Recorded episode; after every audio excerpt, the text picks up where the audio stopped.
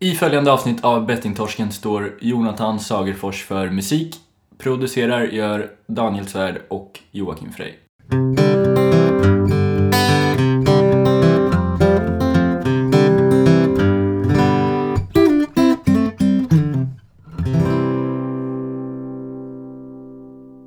Hej och välkommen till Bettingtorsken avsnitt nummer 24. Hej Daniel. Hej! Du tänkte köra ett avsnitt ut- utan att säga ett ord. Ja, Det kändes så. det tysta avsnittet. Det tysta avsnittet. Bra podd. Bara hej och välkommen till Bettingtorsken. Och så bara, 45 minuters tystnad. galet. Det skulle ju du göra. Du pratade om att du skulle åka iväg på någon så här retreat och vara tyst i sju dagar eller vad var det? Ja, det var en kompis som berättade för mig om det.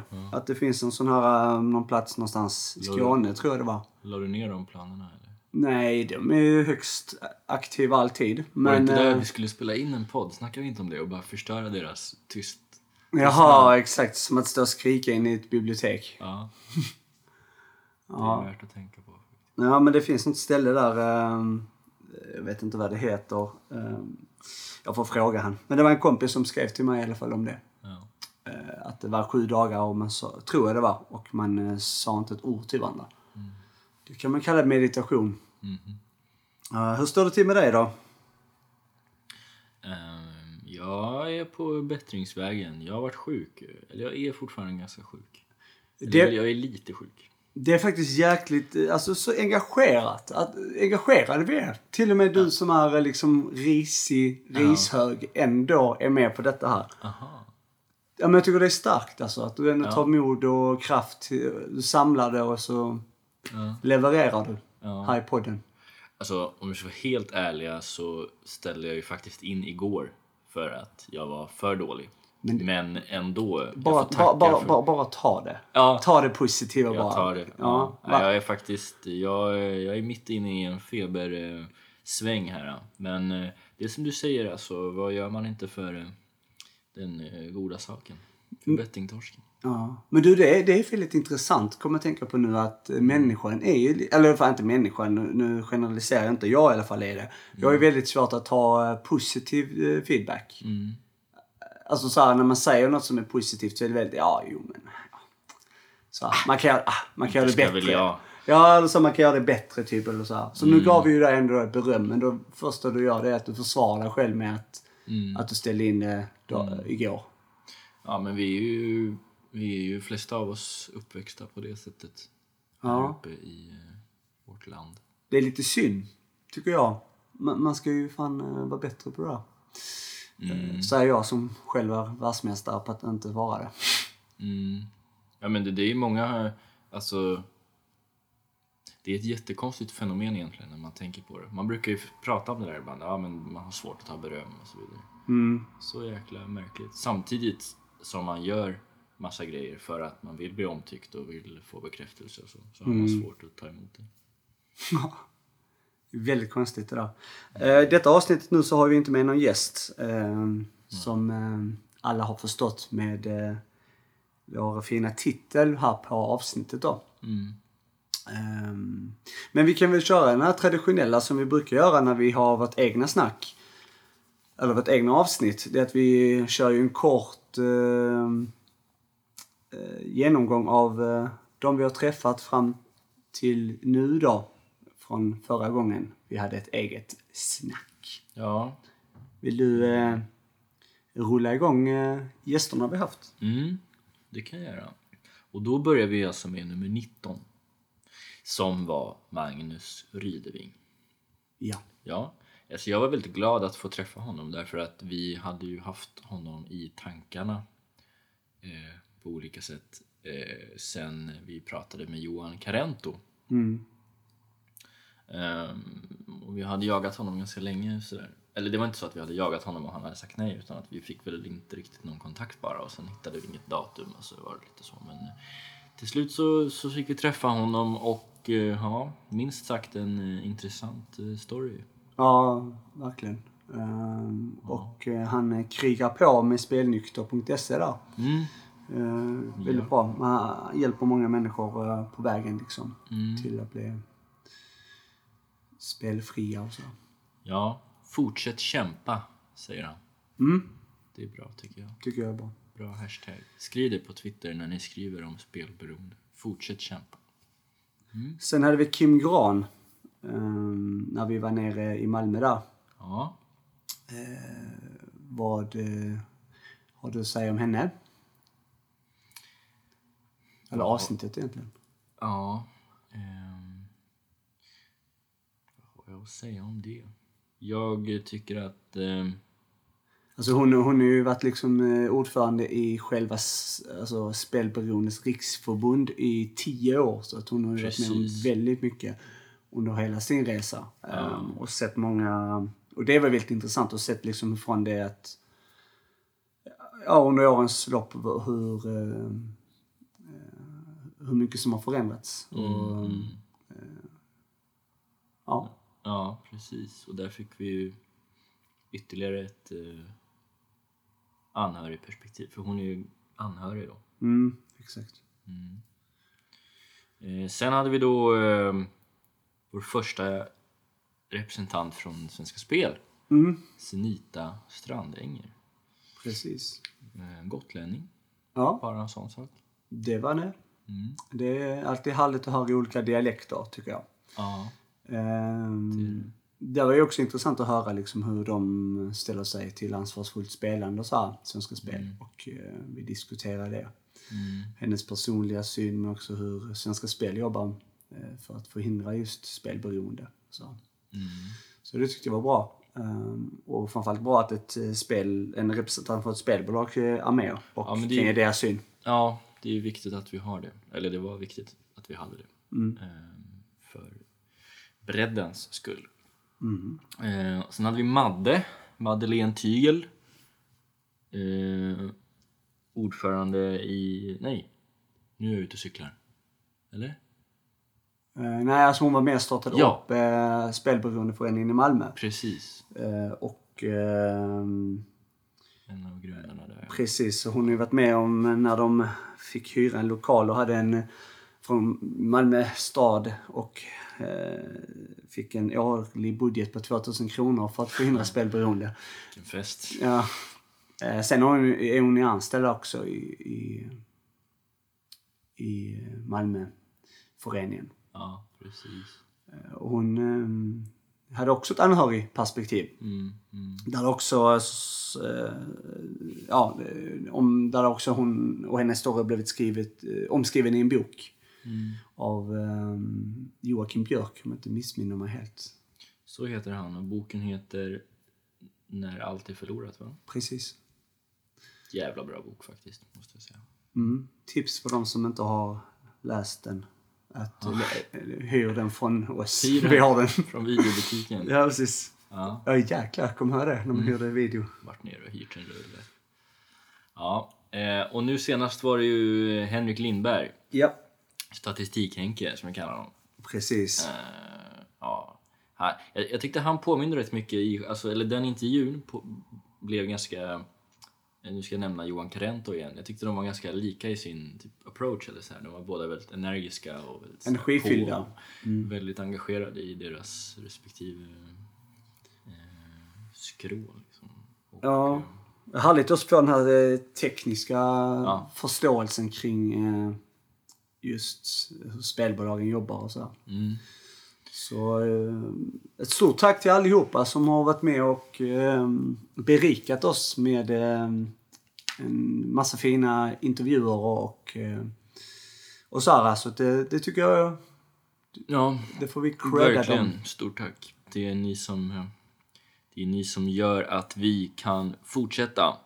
Precis. Och eh, det är också ni lyssnare såklart. Ni ska också ha tack. Framförallt det, men det, det, det, det är självklart. Det är så självklart så att... eh, Ja, jag menar inte att eh, ta bort den betydelsen. Nej, Men, det fattar jag. Ja.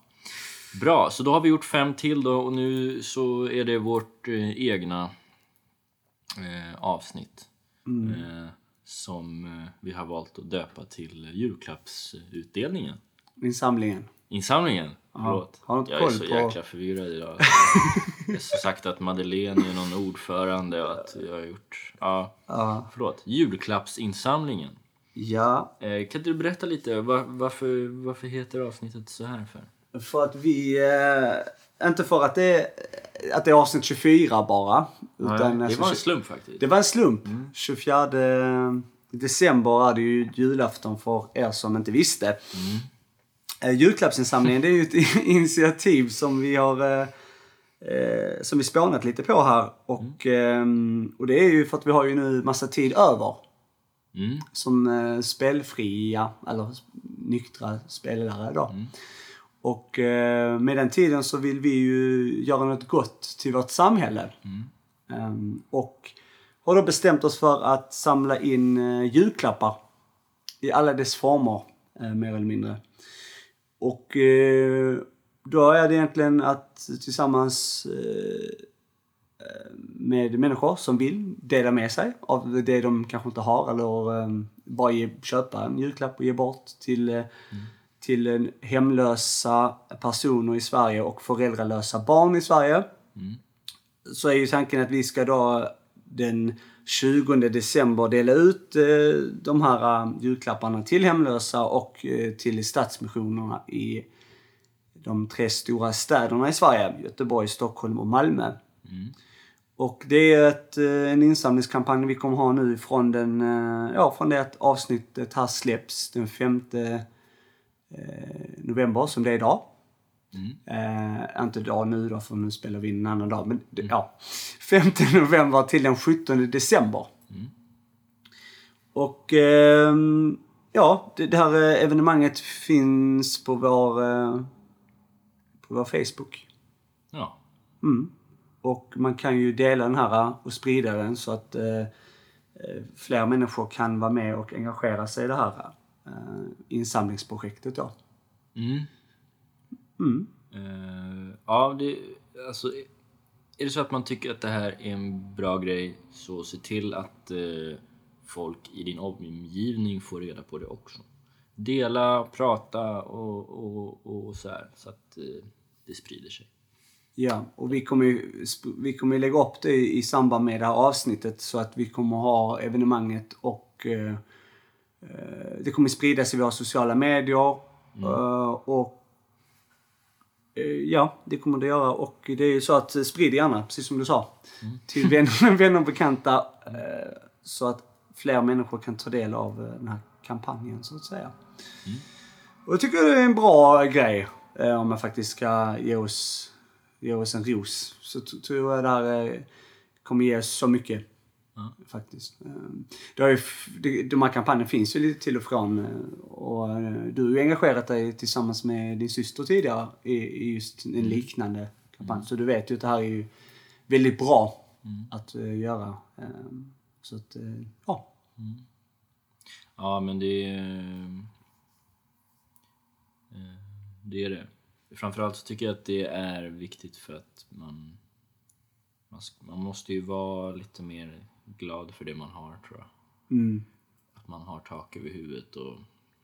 Nu har i och för sig min glödlampa gått sönder på badrummet. Men... Nej men du vet, det där, sådana små saker blir ju, tycker man är stora problem liksom. Samtidigt som det sitter folk och, och, och, fryser ute på nätterna eh, ensamma. Eh, barn växer upp utan föräldrar och så vidare. Eh, mm, jag tycker faktiskt det är en skyldighet att göra någonting. Liksom. Absolut, det är det verkligen. Eh, Så att eh, engagera er nu i detta allihopa. Um, Bettingtorsken julklappsinsamling. Ehm, och dela detta så det sprids.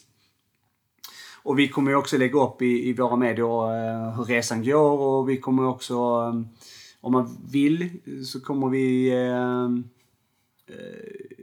ge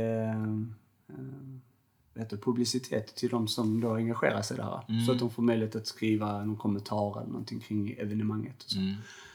Eh, och eh, lättast för att, det kommer, det, allt kommer stå tydligt eh, hur det kommer gå till och hur man gör liksom, hur eh, lämnar jag julklappen till exempelvis och, och så här. Vi, vi befinner oss i Göteborg men eh, vi kommer ju se till så att allt går att ordna eh, på olika sätt. Men all den här informationen kommer ju vi ge er som vill engagera sig via då, eh, svar på Facebook eller via mail och så. här. Men det kommer ni se inne på vår hems... Alltså inne på Facebook-sidan. Mm. Framförallt. Ja. Bra. Jajamän! Oh. Du... ehm, På tal om det här med trasig glödlampa. Det är faktiskt, den, är, den är lite jobbig alltså. Du måste, du måste lösa den. Det var lite trist. Eller då när vi var inne på toaletten här så. Det var, det var inte så kul att stå i mörkret. det är lite spännande. Man vet inte vad som ska hända. Ehm, jag ska försöka läsa det. Jag fick ju... Jag fick ju lön här nyligen. Så att eh, nu har jag råd att köpa en glödlampa. Tummen Det upp. betyder inte att jag kommer göra det, men Ah, okej. det finns möjlighet. Ja. Ja. Nästa gång så får vi kanske spela in hemma hos mig då. Mm. Ehm, Ja. Eller så kan jag ju ta med en glödlampa. ja, men det där är... Det, alltså, det är en Men det var någon sån speciell så. Ja, den är ovanlig alltså. Jag har aldrig sett den i alla fall. Jag visste ju inte det. Jag plockade ner den här om dagen och då den såg liksom konstig ut. Jag tror att det kommer bli en hel del letande innan jag får tag på den. Så. Ja, alltså. Den är nu byggd på 1800-talet tror jag. Antagligen. Jag tror det. Mm. Med största sannolikhet faktiskt. Ja, men du, du har vet du, du har skrivit Stockholm här i körschemat. Varför har du gjort det för? Vad sa du? Stockholm? Ja. Vad är det? Jaha, nej, det var inget. Jag Nej. håller på och yrar. Det är den här febern alltså. Jag ja. ber om ursäkt. Du varit lite yr faktiskt. Ja. ja. Men jag är det. Alltså du vet när man har suttit ner länge eller så här, och så ställer man sig upp snabbt så får man den här svarta, det svartnar för ögonen och så. Ja. Eh, Det har jag inte då, men den här yrseln som man får också samtidigt. Jaha, okej. Det- Jag har ju den hela tiden. Så nästa avsnitt så kommer ni se, då kommer jag vara sjuk. Kanske, ja, jag känner mig Oskönt. virrig. Men, eh, men jag skulle vilja i alla fall snacka lite om, eh, om, eh, ment- om den mentala hälsan. Ja, och det tycker jag är bra. eh, ohälsan ibland då. Eller, ja, det är så här att... eh, Eller tycker inte det är bra. Alltså så här, jag bara, det är bra. Ja. det jag menar är att det, det är bra att du Att vill lyfta det. Ja, exakt. Ja. Nej men för ett tag sedan här så, eh, så hade eh, eller jag fick ju en sån här eh, ångestattack kallar man det väl. För att så många som möjligt ska veta vad jag menar. Ja, panikångest. Ångest, panikångest. Eh, attack. Ja. Jag tycker det låter så ex- extremt dramatiskt på något vis. Det är lite Men det är dramatiskt men dramatiskt. det låter ju sådär, ja, ja. Skit i det. Men eh, Nej, ja, men det är ju du är inne på någonting. Det, berätta gärna hur, kring det här. Ja, ja, ja, Ja. det ska jag göra. Jag Ja, tänkte bara just den här dramatiska biten. Jaha. Eh, ja. Ehm, nej, men... eh, och jag har haft det ju till och från sen... ja, men sen jag började mm, ta tag i mitt spelproblem där i slutet på februari någon gång. Mm. Eh, då är man liksom har, eller jag har så insett vilka problem jag har och att jag måste ta tag i det och ja, men det, och då har det, det som har följt med är ju då att jag eh, har tillåtit mig själv att känna efter hur jag mår då på riktigt liksom. Mm, Du har reflekterat liksom kring... Ja, Allt. och, och då blir det ju mycket känslor och sånt där och det, det, det har ju lett till, till den här ångesten då. Eh, Men jag, eh, För det är som att du kom ut liksom från en bubbla egentligen. ja men precis. Att har du, ju, du har levt i en bubbla med, med jobb och mm, och stress och pengar och spel och allting. Och så, Ja. så kommer man ur det där. precis. Alltså du vet när man spelar och eh, det fortfarande är hemligt för de flesta i alla fall. Mm. Det tar ju enormt mycket kraft att hålla det hemligt och att, eh, och att bevara den här bubblan då. Mm. Sen när man väl har släppt taget om det och, och man berättar för, för människor vad man har hållit på med och hur man har mått under lång tid så, så det händer ju mycket i ens eh, känsloliv liksom. Och du vet när man stänger av sådär, det är ju att vara spelberoende, i alla fall nu talar jag för mig själv liksom, men för mig så var det att när jag var aktiv spelare så handlade vardagen mycket om att stänga av känslor. För att det går ju inte egentligen, tror jag, att att vara en aktiv spelande spelberoende så att säga. Och att samtidigt eh, vara öppen för sina känslor för att det, det, alltså det hade man inte klarat av för att det är för mycket, det är för mycket känslor helt enkelt. Så man måste liksom stänga av då.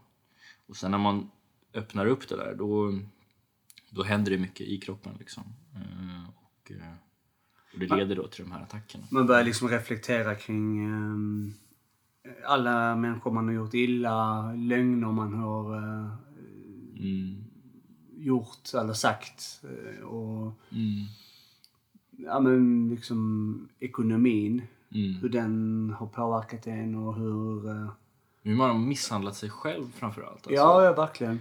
Eh, Men också sin omgivning liksom i form av um, vänner eller ja, men relationer eller det kan vara... um, det kan liksom vara jobb. Där man liksom trycker bort känslan kring jobb och så, alltså allting, det blir ju verkligen så här, som du säger där, känslomässiga så stänger man inne det för att mm. för det är när, när du väl börjar känna, alltså när dina känslor, liksom när du börjar känna att det nu är något som är riktigt fel, då kommer ju allt på en gång liksom. Mm. Eh, och, ja, men hur, eh, alltså vad hände egentligen? Alltså vad just, att, om du vill dela med dig liksom just den här panikattacken. För vet vi pratade ju om det liksom när du, eh, Mm. när detta hände liksom. Alltså det som hände var att eh, jag jobbade ju som lärarvikarie. Och så skulle jag lämna den tjänsten och gå över till en annan tjänst inom samma företag som var en lite mera typ säljande roll kan man säga på företaget. Eh, och jag har jobbat som säljare som jag pratat om innan i många år i, i olika former. Och, eh, men det gör ju också att alla år som jag har jobbat som säljare så har jag också varit aktiv spelare och egentligen spelberoende när, nu när jag tänker tillbaka på det. Så det gör ju att jag förknippar att jobba med sälj och den stressen som det kan innebära förknippar jag väldigt starkt med spel Mm. och den här ångesten som jag har levt i under många år. Ehm, Så att när vi började, när det började närma sig den här tjänsten och framförallt när jag väl hade satt igång att jobba så, ehm, så blev det väldigt mycket känslor och tankar som tog över mig egentligen helt och hållet eh, och jag, ja, jag, jag mådde väldigt dåligt i, i liksom insikten att jag skulle Ja, men det, det blev som att jag skulle ta ett steg tillbaks till det livet som jag levde tidigare. Även om eh, det inte på något sätt var samma typ av jobb så fanns det ändå likheter och det stressade mig enormt mycket. Då. Mm. Och sen var det också att jag skulle bli tvungen att eh, använda mig, eller jag skulle få en, en iPhone, en smartphone av jobbet. Och den skulle jag bli tvungen att använda dagligen. Och, eh, alltså, jag, det, det här, för, för någon som kanske inte är insatt eller man ska säga, så, så, så låter det här som ren liksom, galenskap. Liksom. Men jag, jag blev ju egentligen, alltså jag blev ju rädd och eh, jävligt stressad vid tanken att ha en smartphone. Liksom, för att jag, gjorde, jag har gjort ett aktivt val att inte ha smartphone. Och eh, jag litar inte på min egen förmåga att eh, ha tillgång till en eh, ha tillgång till internet eh, via telefonen hela tiden eh, och att klara av att inte börja spela igen. Liksom. Alltså, det, sen, sen kanske det hade gått bra, jag vet inte, men, men, men det är just att jag inte vet som är, som är problemet. Eh, Och att jag upplever att mitt liv har blivit ja, det har blivit högre kvalitet helt enkelt utan en sån där telefon. Så det var mycket grejer som hände och sådär, mycket väldigt mycket på samma gång som gjorde att jag eh, tappade lite grann greppet. Och, eh, ja, eh, sen under de här två dagarna ungefär som det höll på, en och en halv, ett och ett halvt dygn ungefär så, så sov jag inte överhuvudtaget och ehm, ja, jag, för, för någon som aldrig har haft en sån här panikångestattack då så så är det ju ganska läskigt. Man tror ju, eller många upplever att eh, eh, man tror att man ska dö helt enkelt. Eller så här, Ja, man- det känns som slutet liksom. Ja, ja men i vissa tillfällen. Man kan inte andas och Nej, man, exakt. pan- alltså man, eh, man har svindel och man mår Mm. väldigt illa och det känns som man är verkligen sjuk. Ja. Mm. Eh, Jag har Så också haft det vid olika tillfällen i livet så jag känner igen det. Ja. ehm, mm. Nej men exakt så. Ehm, Men hur hanterade du, alltså det, hur, hur gjorde du liksom? eh, Ja, för Alltså jag åkte hem till min syster faktiskt och eh, för, för hon har också varit med om, om såna här om panikångest och eh, hon vet hur man ska hantera det.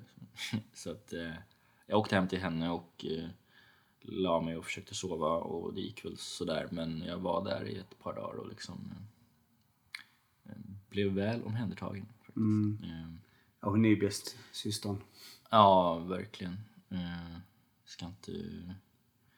Jag, jag vet inte riktigt hur, eftersom att det här läggs ut på nätet.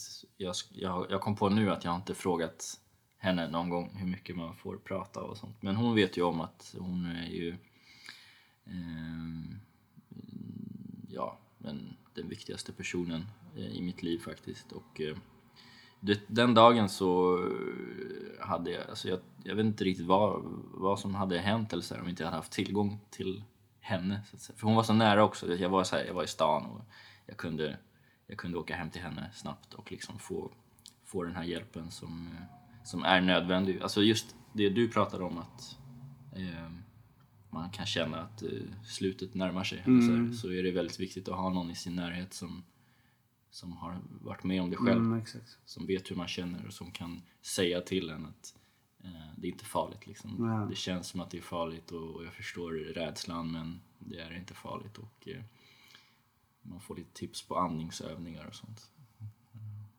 Ja. Jag tycker det var ju väldigt bra alltså. Och Mm. din syster är grym. Så det var ju ett Mm. klokt val. Men det du gjorde nu efter det också, var att du fortsatte väl inte med eh, den anställningen liksom? Nej precis, jag valde att avsluta den faktiskt eh, efter en vecka bara. Eh, lite drastiskt kan man ju tycka, men eh, det var faktiskt nödvändigt. Jag, jag kände att jag inte var... Det var lite synd. Jag, jag, på vissa sätt så såg jag mycket fram emot det där jobbet också. Och jag hade gärna tagit mig an det faktiskt, men jag insåg att jag inte var riktigt redo. Och det är, alltså man ska inte, alltså det farligaste som finns tror jag i sådana här lägen är att, är att stressa fram. Liksom. Alltså den här processen man håller på med får man inte stressa fram.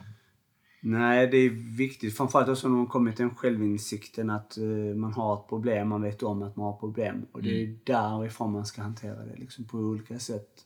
Mm. Ehm, för att som sagt, sätter man sig i en situation så som hände nu då, så är det ju väldigt lätt att man um, tappar bort sig igen. Mm. Och eh, just det här eh, ämnet om ångest, det är ju väldigt eh, viktigt att man tar eh, det seriöst. Mm.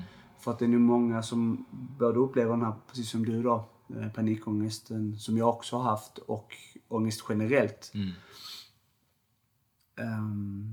När man väl väljer att gå ifrån någonting som man har levt under lång tid Mm. eh, och allting som har hänt under den tiden så kan det bildas väldigt mycket av den här ångesten då. Eh, och det kan vara dagliga saker, det kan vara bara till och med att ta sig ut från sitt hem. Mm. Eh, och träffa människor. Mm. Jobb, som vi pratar om. Eh, det finns ju hur många olika varianter som, som kan göra att den här ångesten blir mer stark. Liksom. Och eh, Det är väldigt viktigt att man tar det seriöst, pratar med rätt människor. Precis som du gjorde där. Det är väldigt viktigt alltså. Mm. Och sen eh, att man faktiskt inte blir rädd för den. Liksom.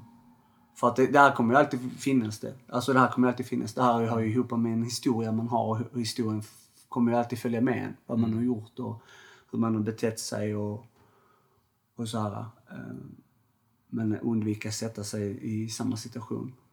Just det här med spelandet också. Skulle du börja spela igen så kommer ju ångesten med stor sannolikhet komma tillbaka igen. Mm. Fast värre. För då känner du att du har svikit dig själv också. Så många anhöriga eller spelare där ute som, eh, som eh, känner igen sig i det här. Det är ju viktigt att man faktiskt vågar prata om det. Mm. Ja.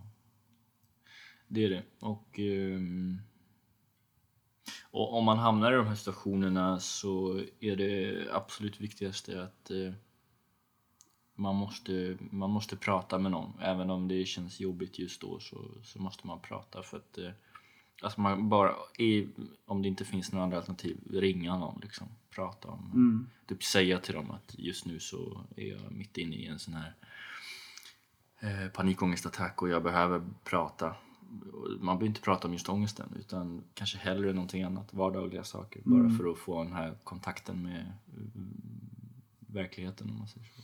Ja, med människor fram- framförallt också. Mm. Ehm, att ensamheten hjälper väldigt sällan. Den mörka tankarna och ångesten i, i det läget, det hjälper en väldigt sällan. Eh, Vi man kan ju skriva till oss också om man vill det. Liksom, man har absolut ingen i sin omgivning och, eh, och är väldigt ensam. Så självklart skriv gärna till oss. eh, Via sociala medier, via Facebook eller via mail eller någonting. Vi finns också där. Vi kan ju... Vi känner ju igen detta. Mm. Så... Ja, Mm. gärna. Ehm, bra att du delar med dig av det här Donny, tycker jag. Starkt av dig att göra. Ja.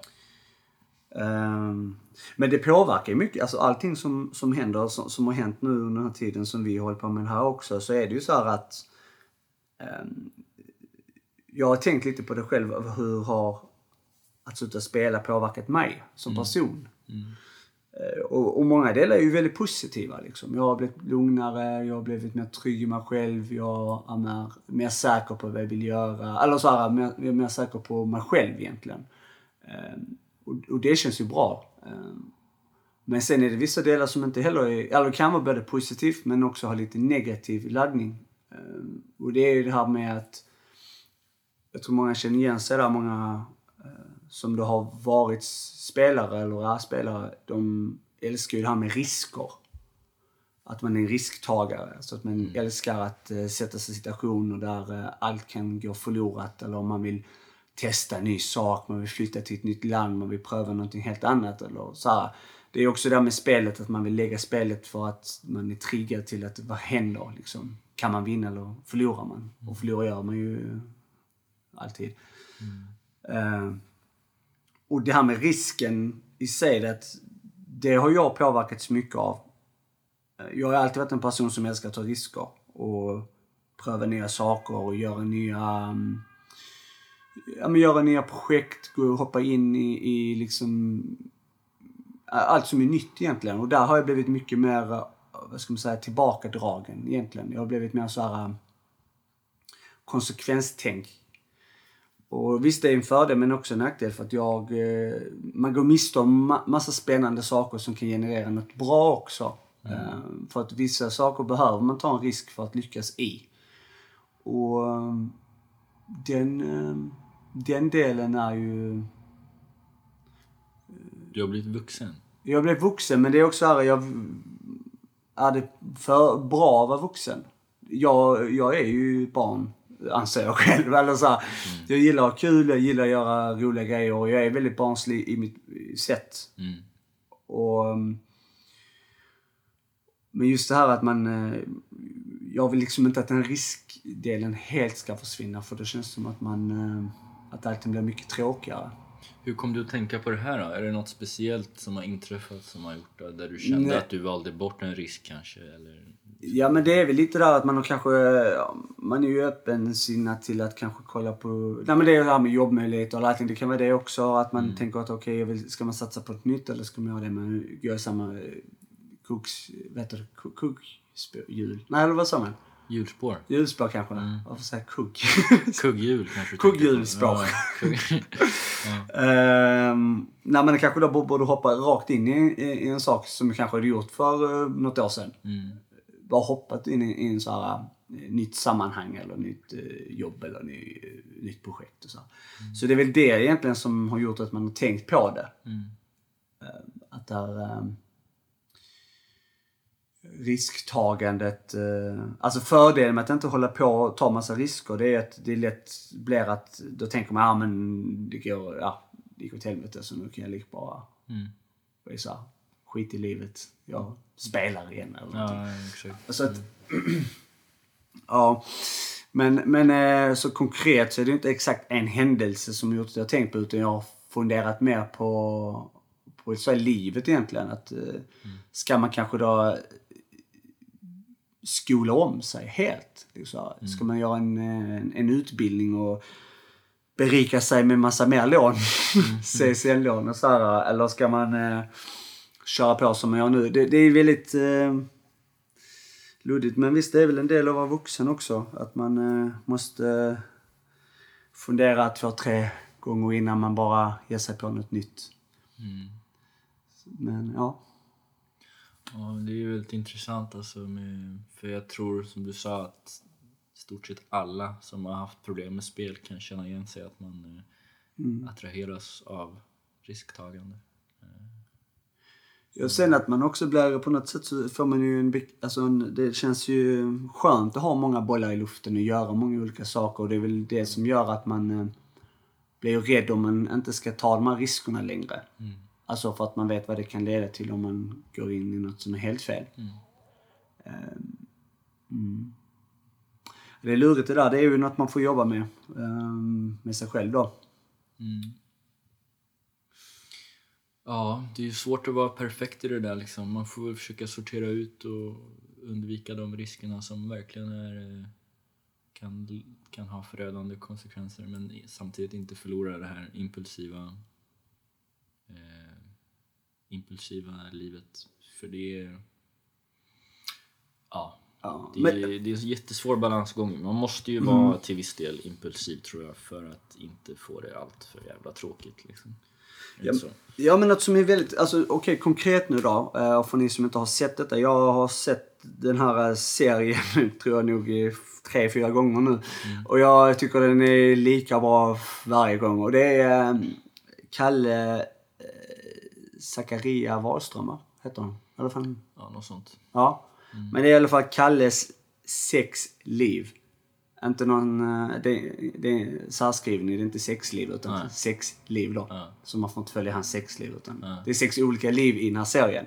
Är du med? Fattar. Och det handlar om de här människorna som har gjort eh, det här impulsiva man pratar om, eller den här... Eh, det blev lite rotlöshet i det hela. Att de har, eh, där är sex olika eh, liv egentligen där de har valt på olika sätt att eh, helt eh, gå från det här moderniserade samhället eh, och materialismen och valt då eh, att kanske då sälja sin lägenhet, köpa sig en van och bara dragit härifrån och bara bor i den vanen var de än vill i hela världen. Det är bara så här, ah, där är ju risk. Alltså, där har man ju det här impulsiva risktagandet. Att vad händer? Alltså, normal människa tänker ju, oh men vad... Och hur gör man med jobb? Och hur ska jag göra med min... Jag kan ju inte säga upp min lägenhet och jag kan ju inte... Jag kan, jag kan ju inte, kan ju inte lämna min familj och vänner och så här. Det är ju nog, alltså det är ju väldigt vanligt. De som då man får följa här har ju gjort detta på olika sätt. Ehm, den är värd att kolla på i alla fall. Jag tycker den är lika bra varje gång. Eh, Man får, på något sätt så blir det ju balsam för ens själ när man ser det här och tänker "F- det här ska jag också göra. Varför, varför har jag inte gjort det här? Men, så, men så låser man sig och man tar inte den risken att liksom, liksom ja, dra iväg. Men vad är det som eh, stoppar dig då till exempel? Ja, det är väl att jag har ju levt så i tio år. Inte kanske riktigt så, men, men det här att man har flängt runt och testat olika saker och nu känns det som att man har en ganska bra bas här eh, där man bor liksom. Och eh, man har vänner och familj nära och det är ju de man har varit borta ifrån också under många år. Så, så att man har ju glidit ifrån vi- vissa vänner och man har glidit ifrån lite familj och sånt där. Men nu har det känts på något sätt att man har kommit lite närmare. Fast man ändå inte bor i samma, samma stad längre. Så känns det ändå nära, närmre på något sätt liksom. Och det är väl det att, alltså, det är ju olika liv i den här serien då. Så att det är ju inte, alla har ju inte bara dragit ner till eh, Bahamas och sitter där på en strand och surfar. Eller vad de nu gör. Utan ehm, vissa är ju i Sverige fortfarande. Men de har valt kanske då att ha ett hus i skogen. Eller så. eller bor i alltså överlevnad så att de, de bor eh, ett tag i, helt i skogen Mm. utan tält och så. Mm. Så lite militäriskt. Ja. Eh, ja. Alltså det, det... Ja. Du känner igen Jag har inte ens sett serien Nej, nu. nej. Jag såg någon trailer här snabbt Ja, jag för en stund sedan. Och, nej, det där är någonting som har faktiskt lockat mig länge. Alltså, du vet den här filmen eh, Into the Wild? Ja. Nu säger jag, jag vet inte riktigt. Berätta gärna. Eh, ja, men det handlar om en kille i USA som eh, går ut skolan med topp, toppbetyg. Liksom. J- Jättebra på alla sätt och vis. Och världen ligger för hans fötter men han väljer en helt annan väg. Liksom. Och han väljer att leva in the wild helt enkelt. Och han, eh, jag tror att den är baserad på eh, riktiga händelser. Eller eh, säger man så? Ja. Mm. Jag tror att det är en person Verkligen som har gjort hans resa på riktigt. Mm. Otroligt fascinerande. Alltså jag, såg den först, jag vet inte när den kom ut, men jag såg den första gången för kanske fyra, fem år sedan. Och han, eh, han bara släpper allt. Och, du vet, I början så har han med sig lite pengar. Jag tror att det är så här i alla fall, att han har med sig lite pengar men så väljer han att lämna ifrån sig pengarna för han tycker att det blir liksom för, för lätt att ha pengar på fickan. Så han är, ja, eh, han jagar för att få mat liksom. Han eh, sover på tåg och på stränder och på, ute, i, ja, ute i naturen liksom. Och han eh, lär sig att leva i... Han blir ett med naturen helt Ja. enkelt. Och det är otroligt eh, fascinerande. Men det är ju så, alltså, jag menar, du och jag har ju bott och jobbat utomlands och sen har man Mm. ju backpackat runt i så många andra liksom på olika ställen. Mm. Och, så, och då har man ju träffat människor eh, när man har bott på så här dorms och så här, Mm. med massa med, olika länder och olika människor som... Och vissa är ju, åker ju runt år ut och år in och överlever på det. Alltså man... Ja men vissa till exempel så har, har bott på eh, landet där någonstans i Indonesien. Och så det de får betalt för är mat egentligen. Men så kanske de undervisar engelska eller så att de hjälper till med jordbruket eller något sånt där. Alltså att man gör egentligen ingen... Eller man gör ju någonting men man får inte pengar utan man får sova och bo där. och Så. Alltså, man frestas ju av tanken att vilja göra sådana saker, bara åka, åka iväg. Men sen är, kommer ju både ångesten in, risken in, du vet det här...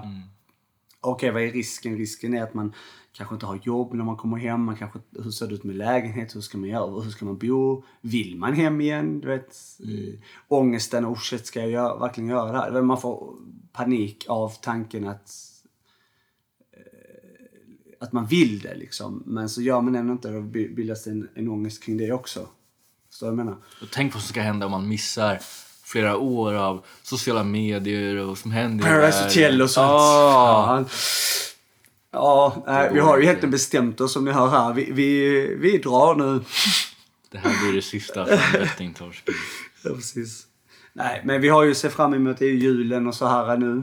Eh, och eh, vår insamling och så här. Så det är ju de här sakerna som stoppar ens eh, tankar att göra den här eh, risken och göra den här kanske upplevelsen som man egentligen vill göra. Alltså hur man vill bo på det sättet eller så. Eh,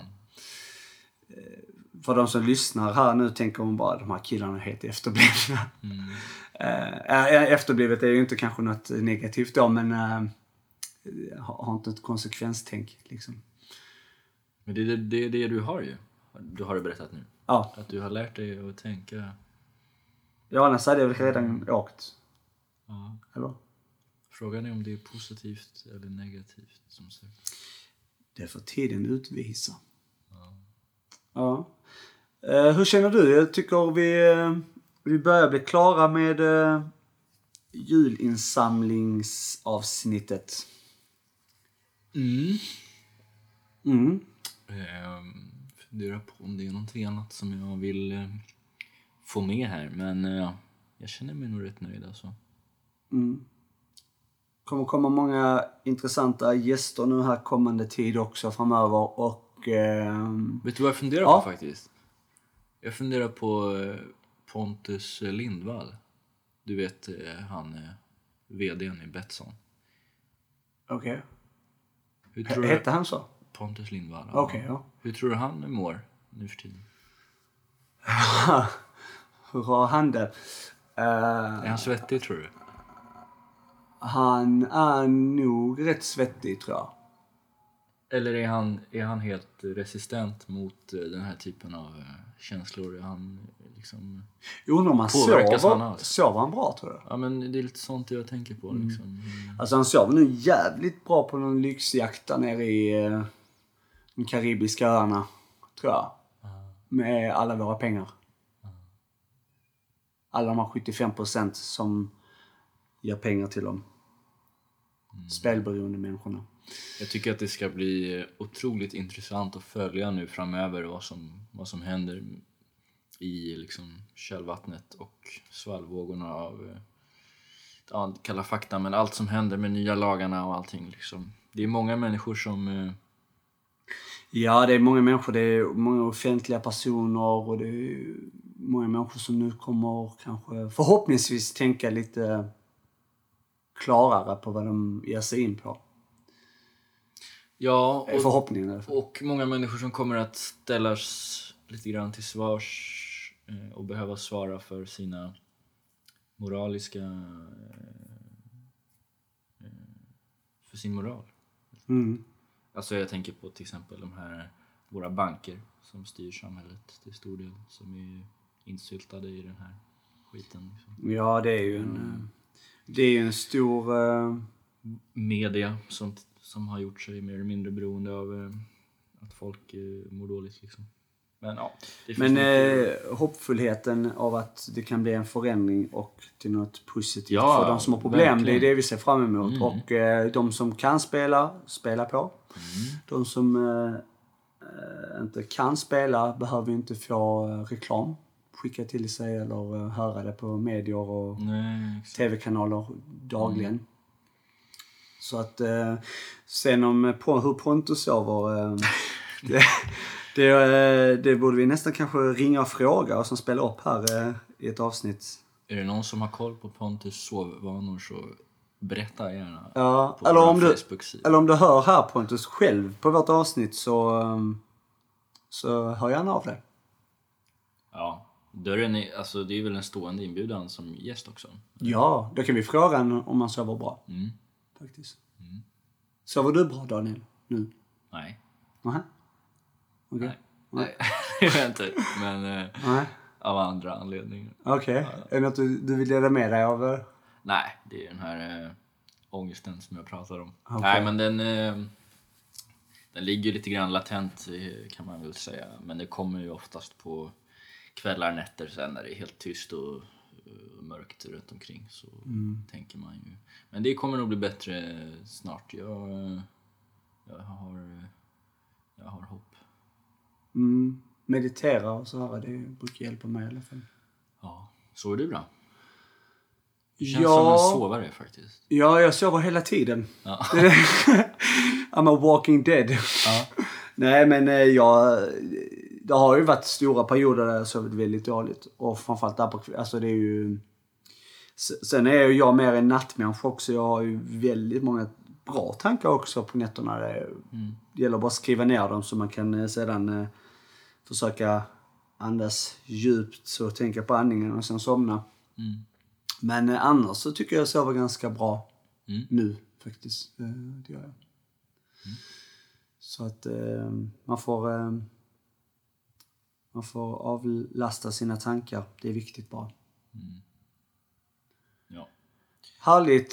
Ska vi runda av då? Jajamän, tack allihopa för att ni lyssnar på oss och eh, det blev ett tungt avsnitt med, med mm, både ångest och, och, och annat. Men också positivt med ljudinsamling och så här. Så att ehm, tack ska ni ha för att ni lyssnar och eh, lyssna snart igen, som man säger.